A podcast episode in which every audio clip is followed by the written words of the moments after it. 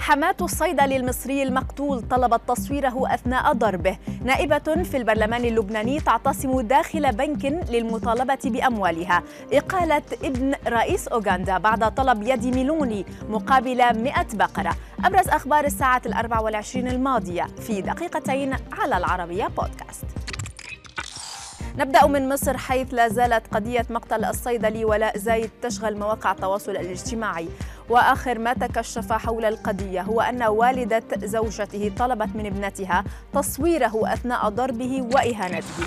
المستشار نشأت عبد العليم قال في لقاء تلفزيوني إن حماة الصيدلي الراحل كانت متسلطة وعاملته معاملة سيئة منذ فترة الخطوبة وحتى الزواج، مشيرا إلى أنها كانت تهينه دائما وتستغله ماديا، وأضاف عبد العليم أن ولاء تعرض للضرب والتعذيب قبل إلقائه من الشرفة بعد شجار مع زوجته الأولى وآخرين بهدف تطليق زوجته الثانية.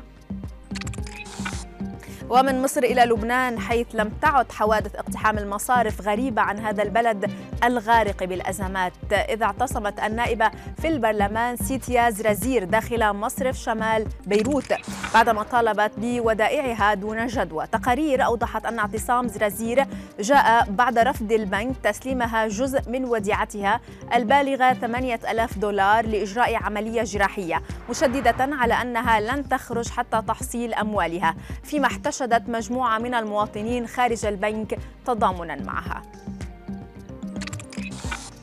في خطوة مفاجئة أعلن الملياردير الأمريكي ألون ماسك أنه مستعد لإعادة إحياء صفقة شراء تويتر والبالغة 44 مليار دولار بعدما أعلن عن انسحابه رسميا منها قبل أسابيع. ماسك المثير للجدل كما يطلق عليه الكثيرون اشترط في خطاب أرسله لتويتر وقف المحاكمة بشكل فوري وكل إجراءات الدعوة ضده إذ كان مقررا أن يجري استجوابه بعد أيام حول انسحابه مشيرا في تغريدة أن شراء العصفور الأزرق الأزرق سيسرع من طموحه لإنشاء تطبيق كل شيء الذي يسميه أكس دون الكشف عن مزيد من التفاصيل. بعد البلبلة الواسعة التي أثرتها تغريدة ابن الرئيس الأوغندي والتي نشرها طالبا الزواج من المرشح الأبرز لرئاسة الحكومة الإيطالية جورجيا ميلوني قرر والده إقالته من منصب قيادة القوات البرية. المرشح الأبرز لخلافة والده كان طلب الزواج من ميلوني مقابل مهر 100 بقرة من أفضل الأنواع. على حد قوله مشيرا إلى أنه عين صديقه السفير الإيطالي لدى أوغندا وسيطا للزواج. وكان الجنرال قد هدد أيضا في تغريدة لاحقا بغزو إيطاليا لمحو الإهانة التي ستلحق به حال رفضت العروس العرض لكنه حذفها لاحقا.